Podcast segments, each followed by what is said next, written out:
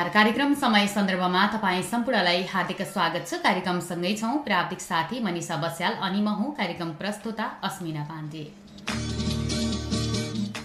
कार्यक्रम समय सन्दर्भ तपाईँले महिला समानताका लागि संचार अभियानद्वारा सञ्चालित महिलाहरूको सामूहिक आवाज सामुदायिक रेडियो मुक्ति पञ्चानब्बे थुप्लो पाँचको ध्वनि तरङ्गबाट हरेक दिन बिहान साढे सात बजेदेखि करिब करिब आठ बजीसम्म सुन्दै आइरहनु भएको छ र आजको बसाइमा पनि हामी तपाईँहरूको माझमा उपस्थित भइसकेका छौँ।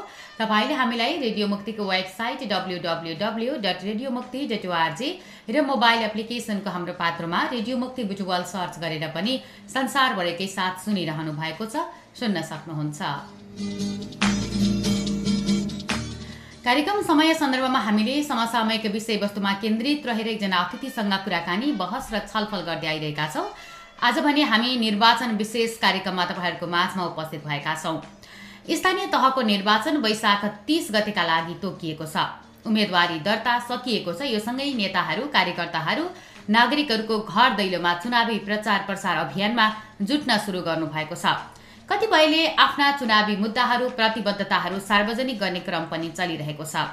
यसै क्रममा उन्नाइसवटा ओडा समेटेर बनेको बुटवल उपमहानगरपालिकाको उपप्रमुख पदमा बुटवल ओडा नम्बर तीन निवासी सावित्रा देवी अर्याललाई नेकपा एमालेको तर्फबाट उपप्रमुख उपप्रमुखको उम्मेद्वार बनाएर अगाडि सारिएको छ।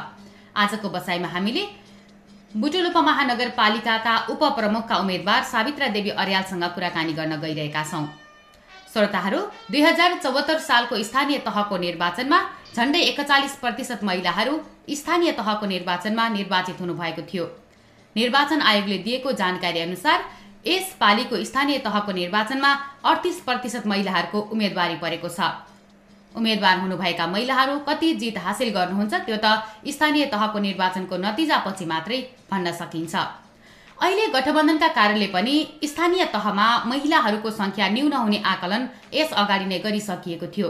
तर हिजो निर्वाचन आयोगले दिएको जानकारी अनुसार पनि स्थानीय तहमा महिला नेतृत्व कम हुनेमा दुई मत भने देखिएको छैन।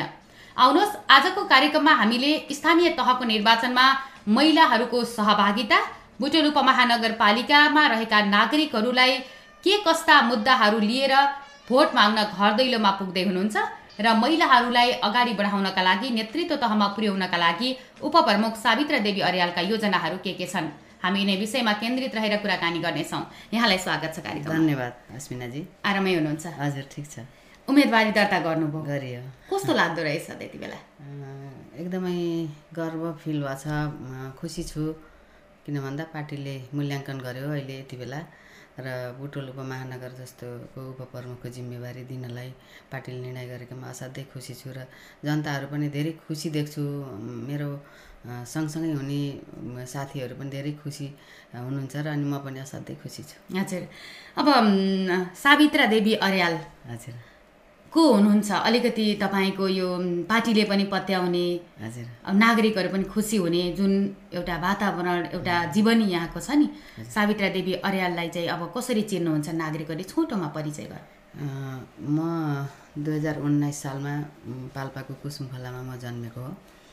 मेरो बुवा आमा चाहिँ नेत्रप्रसाद आचार्य र दिलकुमारी आचार्य हुनुहुन्छ। अनि म बुटोल आइसकेपछि मैले केही समय मैले टिचिङ पेसा गरेँ पाँच वर्ष नवलपरासीको भारतीपुर भन्ने ठाउँमा। त्यसपछि म बुटोल आएँ बुटोल आइसकेपछि मैले सामाजिक क्षेत्र र राजनीतिक क्षेत्रलाई हेर्नुपर्छ भन्ने पनि लाग्यो। त्योभन्दा पहिले म जहाँ नवलपरासीमा थिएँ त्यति बेला म सेल्टरका रूपमा हाम्रो म बस्या घर चाहिँ अँ, सेल्टर दाताको रूपमा थियो। त्यहाँ गएर पार्टी काम गर्नकै लागि टिचिङ पनि गर्ने पार्टी काम पनि गर्ने भनेर देशको एकदमै दुर्गम ठाउँमा जहाँ कि मान्छेहरू छ महिना अन्न खान्थे छ महिना गिठा भ्याकुर खाएर आफ्नो जीविकोपार्जन गर्ने ठाउँमा पठाइसकेपछि त्यहाँबाट छत्तिस सालदेखि मेरो राजनीति सुरु भयो। म उन्चालिस सालमा नवलपरासी गएँ। उन्चालिसदेखि पैँतालिससम्म म टिचिङ गरेँ। पैँतालिस सालको माघमा मैले त्यहाँबाट रिजाइन गरेर म बुटोल आएँ। बुटोल आइसकेपछि मेरो राजनीति कन्टिन्यू भयो र यहाँ आइसकेपछि अझै बढी म सामाजिक क्षेत्रमा काम गर्ने चाहिँ मेरो इच्छा भयो त्यही अनुरूप म चाहिँ आफू अगाडि बढेँ।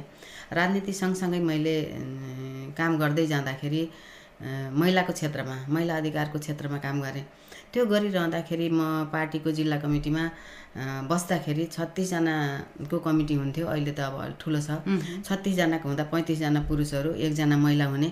अनि हामीले उठाएका आवाज नसुनिने नसुनिसकेपछि के हो त महिलाहरू पछि पर्नुका कारण भनेर मैले खोज्न थालेँ। खोज्दाखेरि मैले चाहिँ एउटा कुरा शिक्षाको कमी अर्को कुरा आर्थिकको कमी भन्ने खालको कुरा आइसकेपछि हो।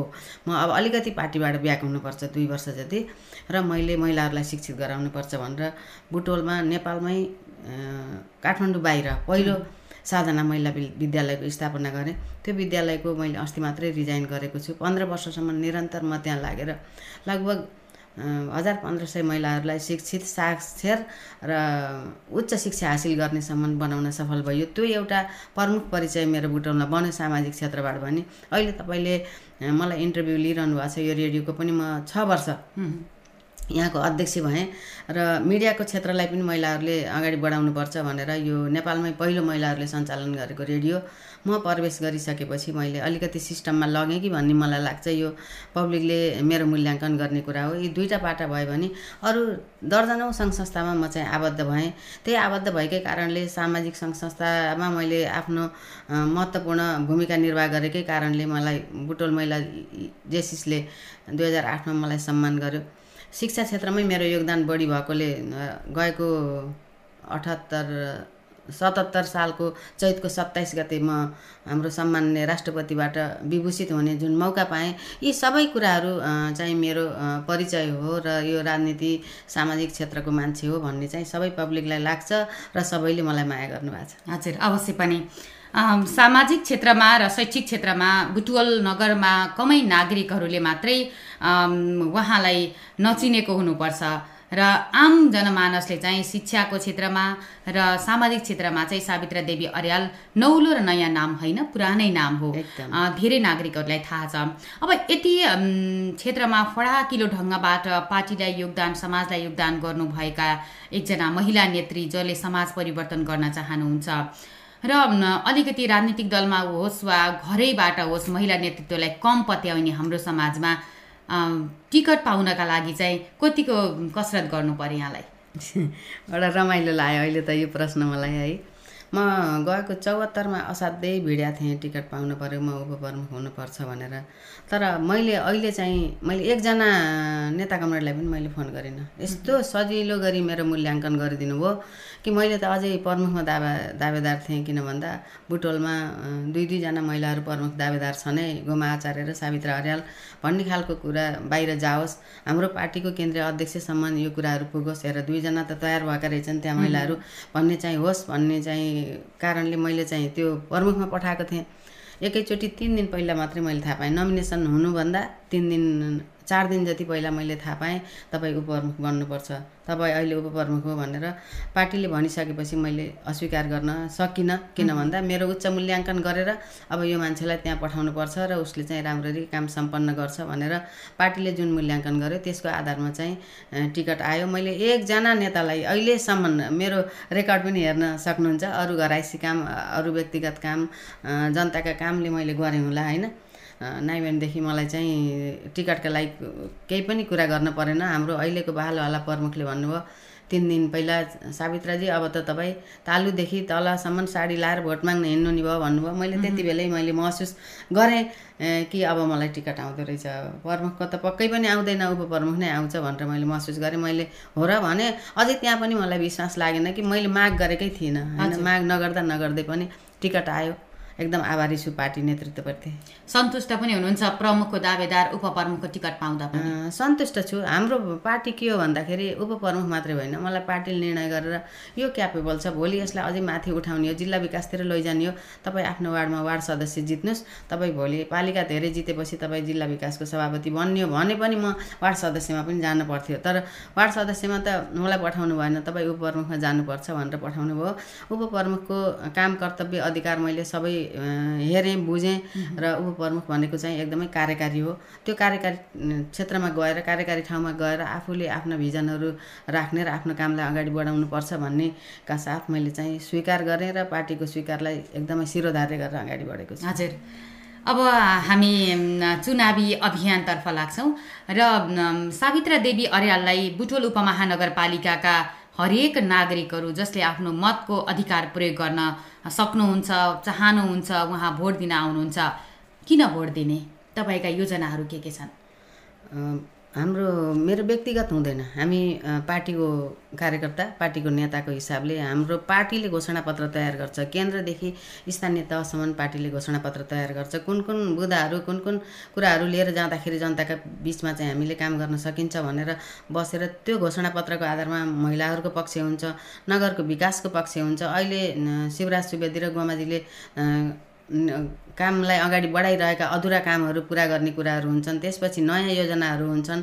अनि मैले विशेष गरेर हाम्रो घोषणापत्र तयार गरिरहँदाखेरि अहिलेसम्म जति आन्दोलन गरे पनि जे जे भए पनि महिला हिंसा घटेको छैन।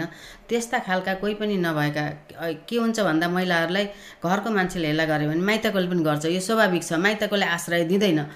त घरै जानुपर्छ तैँले सहेर बस्नुपर्छ भन्ने कारणले गर्दाखेरि महिलाहरूले धेरैले आत्महत्या गर्छन्।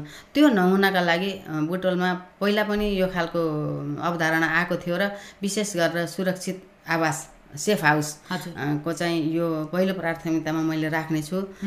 र त्यो सेफ हाउसमा एकदमै विपन्न वर्ग दुखी महिलाहरू हिंसामा परेका महिलाहरूलाई त्यहाँ नगरपालिकाकै तर्फबाट संरक्षित गरेर राख्ने खालको भूमिकामा मेरो भूमिका चाहिँ अगाडि बढ्नेछ भने यहाँ भएका विकासका कुराहरू अब म अहिले रेडियो मुक्तिमा छु रेडियो मुक्तिको माथिपट्टि म यही छिमेक छिमेकी वार्ड तिन नम्बरमा बस्छु। यति ठुलो पहिरो छ। यो विशेष मुद्दाका रूपमा राष्ट्रिय मुद्दाका रूपमा मैले चाहिँ उठान गर्नेछु र यसलाई संरक्षण गर्नेतिर चाहिँ मेरो विशेष किसिमले ध्यान जानेछ। त्यसपछि गएर अहिले बजारमा आइरहेको छ होइन पहिलोको त। पहिलाको मेयर उपमेयरहरूले त खासै काम गरेनन् भन्ने खालको कुरा छ। यसलाई मैले रेडियो मार्फत के भन्न चाहन्छु भन्दाखेरि काम धेरै भएको छ। तपाईँहरूले नजिकबाट हेर्नुहोस् न। पारी बटौली थियो बुटोल भएको छ। पारी बुटोलका गल्ली गल्लीका बाटाहरू टायल लगाएका छन्। पुल पुलेसाहरू सबै बनेका छन्। वार्ड नम्बर आठमा पानीको समस्या छ। त्यो समस्या हल गर्नका लागि पनि मैले महत्त्वपूर्ण भूमिका खेल्नेछु। भनेदेखि अहिले राजमार्गको कुरालाई उठान गरेर प्रतिपक्षीहरूले के गरे त मेयरले के गरे त उपमेयरले यिनीहरूलाई यही बाटो हिँडाउनुपर्छ सबै नागरिकहरू यो बाटो हिँड्दाखेरि हामी अलिकति असुरक्षित चाहिँ छौँ त्यो हामी मैले पनि महसुस गरेको छु। तर त्यो हाम्रो नगरपालिकाको हातभन्दा बाहिर रहेछ। सडकले बनाउनु पर्ने सरकारले बनाउनु पर्ने रहेछ। त्यो बनाउनका लागि पनि मान्छेको घर भत्काउनु पऱ्यो घर भत्काउँदाखेरि मुद्दा पर्ने अनि एउटालाई मुद्दा जितेर आयो त्यहाँबाट फेरि अर्को मुद्दा पर्ने गर्दाखेरि यो चाहिँ अलि धेरै समय रहेको हो। यसले अरू कुनै पनि मुद्दा नपाएपछि यो मुद्दा चाहिँ विपक्षीहरूले लै लैजानु भएको छ। यसलाई पनि हामीले हामी आइसकेपछि यसलाई पनि जतिसक्दो छिटो बनाउने गरी हामी अगाडि बढ्छौँ। अहिले काम सुरु भइराखेको छ। अब केही समयमा सायद मलाई के भन्छ यो नागरिकहरू हिँड्ने साइडको त्यो नालीहरू चाहिँ निर्माण हुनेछ र बाटो पनि छिटै बन्नेछ। यसका लागि चाहिँ त्यति धेरै विरोध नगर्नका लागि पनि मैले विपक्षीहरूसित हाम्रा प्रतिद्वन्दीहरूसित पनि मैले हार्दिक अनुरोध गर्न चाहन्छु। हजुर। अब सामाजिक क्षेत्रबाट र शैक्षिक क्षेत्रबाट यहाँ ले आफ्नो एउटा परिवेश बनाइरहेको अवस्थामा र अहिले उपमेयरको उम्मेदवार भइरहँदाखेरि शैक्षिक क्षेत्रलाई अझै फराकिलो ढङ्गबाट लैजानुपर्छ र सामाजिक क्षेत्रको पनि मानवीय विकासको अवस्थालाई चाहिँ अब नेपाली समाजमा लोकतान्त्रिक मुलुकमा चिर्न पर्छ है भन्ने खालको चाहिँ त्यस्ता खालका योजनाहरू पनि बनाउनु भएको छ। हजुर। अब शैक्षिक क्षेत्र त बुटोल ले ल्याएको काममा टप टेनमै पऱ्यो एक नम्बरमै शैक्षिक सुधारका कुराहरू भए राष्ट्रिय स्तरमा पुरस्कृत पनि भइसके बुटोल उपमहानगरपालिकाभित्रका उच्च माविहरू माविहरू अब कान्ति हेर्नु कालिका हेर्नु पारी उजुर सिंह हेर्नुहोस् त्यसपछि गएर नहरपुर मावि हेर्नुहोस् होइन? यसरी छ भने यसको साथसाथै बुटोलमा एउटा गहनाको रूपमा आमाहरूले मात्रै पढ्ने एउटा विद्यालय छ। त्यसलाई पनि संरक्षण गरेर हामीले चाहिँ अगाडि लैजानुपर्छ। शिक्षाको क्षेत्र असाध्यै अगाडि छ। स्वास्थ्यको क्षेत्र तपाईँ हेर्नुहोस् लुम्बिनी प्रदेशमै सबैभन्दा ठुलो हस्पिटल यहीँ निर्माण भएको छ। स छर्लङ्गै छ कि कस्तो खालको हिजोको लुम्बिनी प्रादेशिक हस्पिटलको अवस्था र आजको अवस्थालाई चाहिँ तपाईँ हेर्नुहोस् कति धेरै विकासहरू भएका छन्। त्यसपछि गएर सञ्चारका कुराहरू छन् सडकका कुराहरू छन्। यी सबैलाई चाहिँ हामीले छुट भएकालाई पुरा गर्ने नयाँ योजनालाई कार्यान्वयन गरेर लैजाने महिला नेतृत्व आएपछि चाहिँ के के कुराहरू चाहिँ परिवर्तन गर्न सकिन्छ? अथवा भनिन्छ महिलाले एउटा पुरुषको पनि वेदना जान्न सक्नुहुन्छ र महिलाको त स्वयं आफू महिला भएपछि जान्न नै सक्नुभयो। एउटी आमाले एउटा परिवारका सबै सदस्यको समस्या बुझ्छ भने नगरका नागरिकहरूको समस्या पनि त्यही अनुसार बुझ्छ भनेर पनि हामीले आकलन गर्न सक्छौँ। त्यो ढङ्गले हेर्दाखेरि पनि एउटा महिला आइसके पछाडि चाहिँ कस्तो कस्तो खालको परिवर्तन गर्न सकिएला यो चाहिँ गर्न सकिन्छ भन्ने खालको। महिलाहरूमा विशेष के छ भन्दाखेरि अहिले धेरै बेरोजगार हुनुहुन्छ। बेरोजगार महिलाहरूले के खोज्नुहुन्छ भन्दाखेरि म्याडम मलाई हस्पिटलमा भनिदिनु न मलाई नगरपालिकामा भनिदिनु न मलाई कहाँ भनिदिनु न भनेर भन्नुहुन्छ। मैले त्यो होइन तपाईँहरू उद्यमी भन्नुहोस् अहिले उद्यमीका लागि अनुदान छ। त्यो अनुदान लिनुहोस्। तपाईँ उद्यमी बन्नुहोस्। सानो कामबाट तपाईँहरूले सुरु गर्नुहोस्।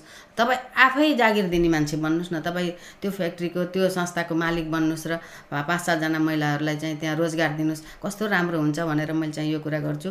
विशेष गरेर हामी अ, जब भन्दा पनि जागिर भन्दा पनि उद्योग सञ्चालन कसरी गर्ने हामीले व्य- व्यवसाय कसरी गर्ने र व्यवसायलाई कसरी निरन्तरता दिने भनेर अगाडि बढ्नुपर्छ अ, सबैजनालाई एउटा व्यक्तिले जागिर पाउँदाखेरि पाँचजना मान्छे पाखा परे हुन्छ। ती पाँच छजना मान्छेलाई अथवा दस बिसजना मान्छेहरूलाई चाहिँ रोजगारी हुने गरी हामीले चाहिँ सा कुटीर उद्योगहरू सञ्चालन गर्नुपर्छ। अहिले हाम्रो मेरो वार्डमा साथीहरू झिन्या बनाइरहनु भएको छ। हामीले सानो लगानीबाट ठुलो कुराहरू चाहिँ गर्न सक्छौँ। लक्ष्मी श्रेष्ठ के के है यो क्विन मास्टर भनेर भन्छ यो टाँक टाँक बनाउने फ्याक्ट्री खोलेको नेपालको लक्ष्मी श्रेष्ठ जस्तो मलाई लाग्छ। उहाँले अहिले हजारौँ महिलाहरूलाई हजारौँ पुरुषहरूलाई चाहिँ रोजगार दिइरहनु भएको छ भनेदेखि हामी दस हजारबाट सुरु गरे पनि मैले त अझै मैले यो क्षेत्रमा के भन्छु भने खाने चिजहरू उत्पादन गर्नुहोस् अहिले सिन्की मस्यौरा यो सिजनमा यो गर्मी समयमा तपाईँ बनाउनु भयो भने विदेशमा निर्यात हुन्छ। मैले महिलाहरूलाई यो पनि भनेको छु हामीले त्यो खोज्छौँ पठाउने ठाउँ खोज्छौँ तपाईँहरू उत्पादन गर्नुहोस्। तर त्यसलाई धेरै लगानी पनि लाग्दैन। दस बिस हजारको लगानीबाट पाँचजना महिलाले काम गर्न सुरु गर्नुहोस्। त्यो नबिग्रनका लागि के केमिकल राख्नुपर्छ त्यो राखेर तपाईँ प्याकिङ गरेर तयार गर्नुहोस्। त्यसरी पठाउनुपर्छ भनिसकेपछि महिला साथीहरू चाहिँ लाग्नु भएको छ। समग्र रूपमा क्यापेबल शिक्षामा क्यापेबल भएको मान्छेले लोकसेवा लड्छ नाम निकाल्छ जागिर खान्छ। तर हामी कम पढेको मान्छेहरूले चाहिँ हामी व्यवसायतिर लाग्नुपर्छ भनेर व्यवसायलाई नै आर्थिक रूपले सबल हुनका लागि महिलाहरूलाई व्यवसाय गर्नुपर्छ भनेर म प्रेरित गर्नेछु। व्यवसायका लागि तालिमहरू के के गर्नुपर्छ त्यसका लागि पनि अहिले बहालवाला उपप्रमुखले पनि महिला उद्यमशीलतालाई अगाडि बढाउनु भएको छ। उद्यमी महिलाहरू चाहिँ निस्किसक्नु भएको छ भनेदेखि त्यो काम पनि निरन्तरता सँगसँगै अरू उद्योग सञ्चालन गर्नका लागि र आफू आत्मनिर्भर बन्नका लागि महिलाहरूलाई प्रेरित गर्छु। हजुर। अब बुटवल एउटा आर्थिक क्षेत्रको हब राजधानी बाहिरको पनि एउटा अब्बल नगरपालिकाको रूपमा बुटवल उपमहानगरलाई चिनिन्छ। अब यहाँ हेर्दाखेरि चाहिँ पहाडी जिल्लाका पाल्पा स्याङ्जा अर्घाखाँचे गुल्मी लगायतका ठाउँका नागरिकहरू बढी बसोबास गर्नुहुन्छ भने केही तल्लो तटीय क्षेत्रमा सुकुम्बासी बस्ती पनि छ। सुकुम्बासी बस्तीको आयोग भयो तर आयोग खारेज भइसके पछाडि सुकुम्बासी बस्तीमा अब भोट कसलाई दिएर के नै हुन्छ र भन्ने खालको वारमा बेतरेसा चाहिँ पैदा भइरहेको हामीले रिपोर्टिङको क्रममा पाउने गर्छौँ। सुकुम्बासी अ, क्षेत्रका नागरिकहरूलाई सम्बोधन गर्न यहाँको प्रतिबद्धता के छ? हाम्रो घोषणापत्रमै छ। पहिलो पहिलो नम्बरमै सुक अव्यवस्थित बसोबासीहरूलाई व्यवस्थित गर्नेछौँ भनेर। योभन्दा पहिला पनि यो बुटोल उपमहानगर पालिकामा चौहत्तरमा निर्वाचित भएका हाम्रा उम्मेदवारहरूले शिवराज सुवेदी गोमा आचार्य लगायत उन्नाइसवटै वार्ड र वार्ड अध्यक्ष र सदस्यहरूले पनि यति मात्रै गर्न नसकेका काम हो। पाँच पर्सेन्ट पन्चानब्बे पर्सेन्ट काम पुरा भएको छ। पाँच पर्सेन्ट भनेको सुकुम्बासीहरूलाई चाहिँ लाल पूर्जा दिन नसकिएको लाल पूर्जा तयार भएको छ त्यो दिने बेलामा चाहिँ सरकार ढल्यो। त्यसले गर्दाखेरि काम गर्न दिइएन हामीलाई र त्यसले गर्दाखेरि त्यो काम मात्रै बाँकी छ। अहिले पनि हाम्रो प्रमुख मुद्दा भनेको अव्यवस्थित बसोबासीहरूलाई लाल पूर्जा दिने। र अझै केही पनि नभएकोलाई मलाई त अझै एउटा नयाँ काम के छ भन्दाखेरि जनता आवास कार्यक्रम हामीले सञ्चालन गर्नुपर्छ। किन भन्दा थोरै जग्गामा ठुलो घर बनाएर जनतालाई दिन सक्यौँ भने फ्यामिलीको हिसाबले कति छ एउटा फ्यामिलीलाई तिनवटा रुम दियो भने एउटा किचन एउटा बेडरुम अनि एउटा लिभिङ रुम गरेर दिन सक्यो भने एउटा एक कट्ठा जग्गामा सयौँ परिवारहरू बस्न सकिन्छ। त्यो पनि हाम्रो भिजन छ। त्यही अनुसारले पनि हामीले लैजानुपर्छ भन्ने चाहिँ मलाई लाग्छ। किन भन्दा अन्तर्राष्ट्रिय स्तरको विकास पनि हामीले हेर्नुपर्छ। जग्गा मात्रै धेरै दिने भन्दा पनि जनता आवास कार्यक्रमलाई नियमित रूपले सञ्चालन गर्न सकियो र यसलाई लागू गर्न सकियो भनेदेखि हामीले धेरै जग्गा मास्न पनि पर्दैन। अब चुनावी प्रचार प्रसारमा चाहिँ अब जुट्न सुरु गरी गरिसक्नु भएको छ होला। अब तयारी कहाँसम्म पुग्यो? अब घर दैलो कार्यक्रममा पनि कहिलेदेखि हिँड्दै? हामी आजैदेखि घर दैलोमा हिँड्छौँ। पार्टीले घर दैलो कार्यक्रम तयार गरिराखेको छ। अलिकति अहिले नमिनेसन नमिनेसन पछिको थोरै समय भएको हुनाले घर दैलो पहिला जस्तै अब हामी सबैलाई भेट्छौँ तर घर घरमा गएर भेट्न नसके पनि सम्बन्धित ठाउँमा उहाँहरूलाई बोलाएर हामी भेटेर हाम्रा योजनाहरू हामी दिन्छौँ। हामीले गर्ने कुराहरू चाहिँ जनताका बिचमा हामी राख्छौँ र उहाँहरूसितबाट हामी मत माग्छौँ। मलाई लाग्छ हामीलाई अत्याधिक बहुमतले चाहिँ जनताले जिताउनुहुन्छ। हजुर। अब यो महिला नेतृत्वलाई चाहिँ तपाईँले कसरी हेर्नुभएको छ? अन्य ठाउँका महिला नेतृत्व र बुटोलमै हेर्दाखेरि पनि नेकपा एमालेबाट वडा अध्यक्षमा एकजना मात्रै वडा अध्यक्षको उम्मेदवार हुनुहुन्छ वडा नम्बर सातमा। यद्यपि गठबन्धनबाट पनि महिला नेतृत्व कम देखियो। अब अन्य क्षेत्रमा हेर्दा पनि महिलाहरूको नेतृत्वमा चाहिँ अलिकति कम टिकट पाउनुले पनि महिला नेतृत्वलाई राजनीतिक दलहरूले नपत्याएका हुन्। तपाईँको सुझाव के छ? हामी संविधान सभाको निर्वाचन भइसकेपछि त्यो संविधान बनाउने बेलामा अब हामी त त्यो ठाउँमा भइएन तर हाम्रो सुझाव चाहिँ मागिएको थियो। हामी पनि त्यहाँ अलिकति झुकेछौँ। मलाई त्यस्तो महसुस चाहिँ भयो। अहिले यो पिरियडमा गएको चौहत्तरमा पनि के भयो भन्दाखेरि पार्टी चाहिँ गठबन्धन भयो त्यति बेला पनि माओवादी र काङ्ग्रेसको हुँदाखेरि दुवैजना पुरुषहरू लड्नुभयो हाम्रो तर्फबाट गोमाजी मात्रै हुनुभयो। र अहिले पनि त्यही खालको परिस्थिति देखिएको छ यो चाहिँ गर्नु हुँदैन। चाहे गठबन्धन होस् चाहे जे होस् संविधानले निर्धारित गरेको कुरालाई चाहिँ पालना गर्नुपर्छ। त्यतिमा हामी चुकेछौँ जुन गठबन्धन भयो भने पनि महिलाहरूलाई अनिवार्य दिनुपर्छ भन्ने खालको कुरामा संविधानमा लेखिएको छैन। ठिकै छ त्यो सरकार बन्ला भोलि बहुमतको सरकार एमालेको बन्ला त्यसलाई संविधानलाई संशोधन गरेर हामी चाहिँ अगाडि बढ्नुपर्छ। अहिले पनि गठबन्धनले गर्दाखेरि महिलाहरू पछाडि पर्नु भएको छ। बोल्नु भएको छैन। कतिपय दिदीबहिनीहरू चाहिँ त्यत्रो वर्ष योगदान गर्नुभएको छ नेपाली काङ्ग्रेसमा अथवा चाहिँ नेकपा माओवादीमा साथीहरूले महिला साथीहरूले योगदान गर्नुभएको छ। तर उम्मेदवारी गठबन्धनमा जाँदाखेरि उहाँहरूको मनमा खिन्न त लाग्नु स्वाभाविक हो। यस्तो चाहिँ गर्न हुँदैन। यो चाहिँ एक खालको महिलाहरूलाई अपले अपहेलित गरेको। अहिले यहाँले भन्नुभयो कि ऊ उम्मेदवारीमा पनि गएको वर्ष हामी एकचालिस पर्सेन्ट महिलाहरूलाई जिताउन सफल भयौँ भने गठबन्धनका कारणले गठबन्धनका कारणले गर्दाखेरि महिलाहरूको अहिलेको उम्मेदवारी चाहिँ अडतिस पर्सेन्टमा झऱ्यो। यो चाहिँ गर्नु हुँदैन। हामीले महिलालाई नै दिनुपर्छ। अब मैले हेरिरहेको छु बुटोलमा गठबन्धनकै कारणले यहाँ महिलाहरूले उम्मेदवारी पाउनु भएन। हजुर। अब योभन्दा अगाडि दुई हजार चौहत्तरको स्थानीय तहको निर्वाचनमा पनि गठबन्धनकै कारणले गर्दा महिलाहरूमा एक खालको राजनीतिप्रतिको वितृष्णा थियो। जसले गर्दाखेरि पनि अहिलेका उपप्रमुख गोमादेवी आचार्यले चाहिँ धेरै मतान्तरले चाहिँ विजय हासिल गर्नुभयो। अब अहिले पनि गठबन्धनका कारणले महिलाहरूको मत महिला नेत्रीसम्म आयो भने यहाँको जितको चाहिँ अब हामीले अब एउटा परिवेश बनेको छ भनेर आकलन गर्न सकिन्छ। यहाँले नगरवासीहरूलाई महिला दिदीबहिनीहरूलाई उम्मेदवार उपप्रमुख उम्मेदवार भएको नाताले चाहिँ के अनुरोध के आग्रह गर्न चाहनुहुन्छ? धन्यवाद। म बुटोल उपमहानगरपालिका एक नम्बर वार्डदेखि उन्नाइस नम्बर वार्डसम्म बस्नुहुने सम्पूर्ण मतदाता सबै पार्टीका कार्यकर्ता सबैलाई म हार्दिकतापूर्वक अपिल गर्न चाहन्छु अनुरोध गर्न चाहन्छु। मैले मलाई तपाईँहरूले अहिले मत दिनुहोस् जिताउनुहोस्। तपाईँहरूलाई कहिल्यै पनि मैले यो मान्छेलाई हामी मत दिएर पछुताउनु पऱ्यो भन्ने खालको पश्चाताप हुने खालको काम मैले गर्ने छैन। जहिले पनि राम्रो मान्छे हामी पठाएका रहेछौँ उसले त सबैलाई समान तरिकाले हेऱ्यो हामीलाई पनि बोलायो उसलाई पनि बोलायो कस्तो रहेछ भनेर सबैको टाउको ननिहुरिने गरी टाउको उठ्ने गरी उचा हुने गरी चाहिँ मैले काम गर्नेछु मैले विनम्रतापूर्वक अनुरोध गर्न चाहन्छु। यसपटक पाँच वर्ष मलाई बुटोल उपमहानगरपालिकाको उपप्रमुखको काम गर्ने जिम्मेवारी यहाँहरूले दिनुहोला। यहाँहरूको भरिया भएर म हिँड्नेछु। यही अनुरोध गर्न चाहन्छु। हजुर। अब अहिले हामी उम्मेदवारी दर्ता भइसकेपछि यहाँसँग यसरी कुराकानी गरेका छौँ। यहाँको जित सुनिश्चित भइसके पछाडि जित हासिल गरेपछि हामी यसै गरी यहाँसँग कुराकानी गर्न पाइयोस्। यहाँलाई धेरै धेरै शुभकामना छ। धन्यवाद छ रेडियो मुक्ति अस्मिना बहिनी लगायत सबै सबैलाई चाहिँ बोलाउनु हो। मेरो भावना यो उम्मेदवारी पछिको मतदाताहरूसित पुग्ने समयमा मलाई चाहिँ यहाँ बोलाएर मेरो भावना जुन राख्ने अवसर दिनुभयो त्यसको लागि रेडियो मुक्ति परिवारप्रति सबैप्रति हार्दिक आभार व्यक्त गर्न चाहन्छु।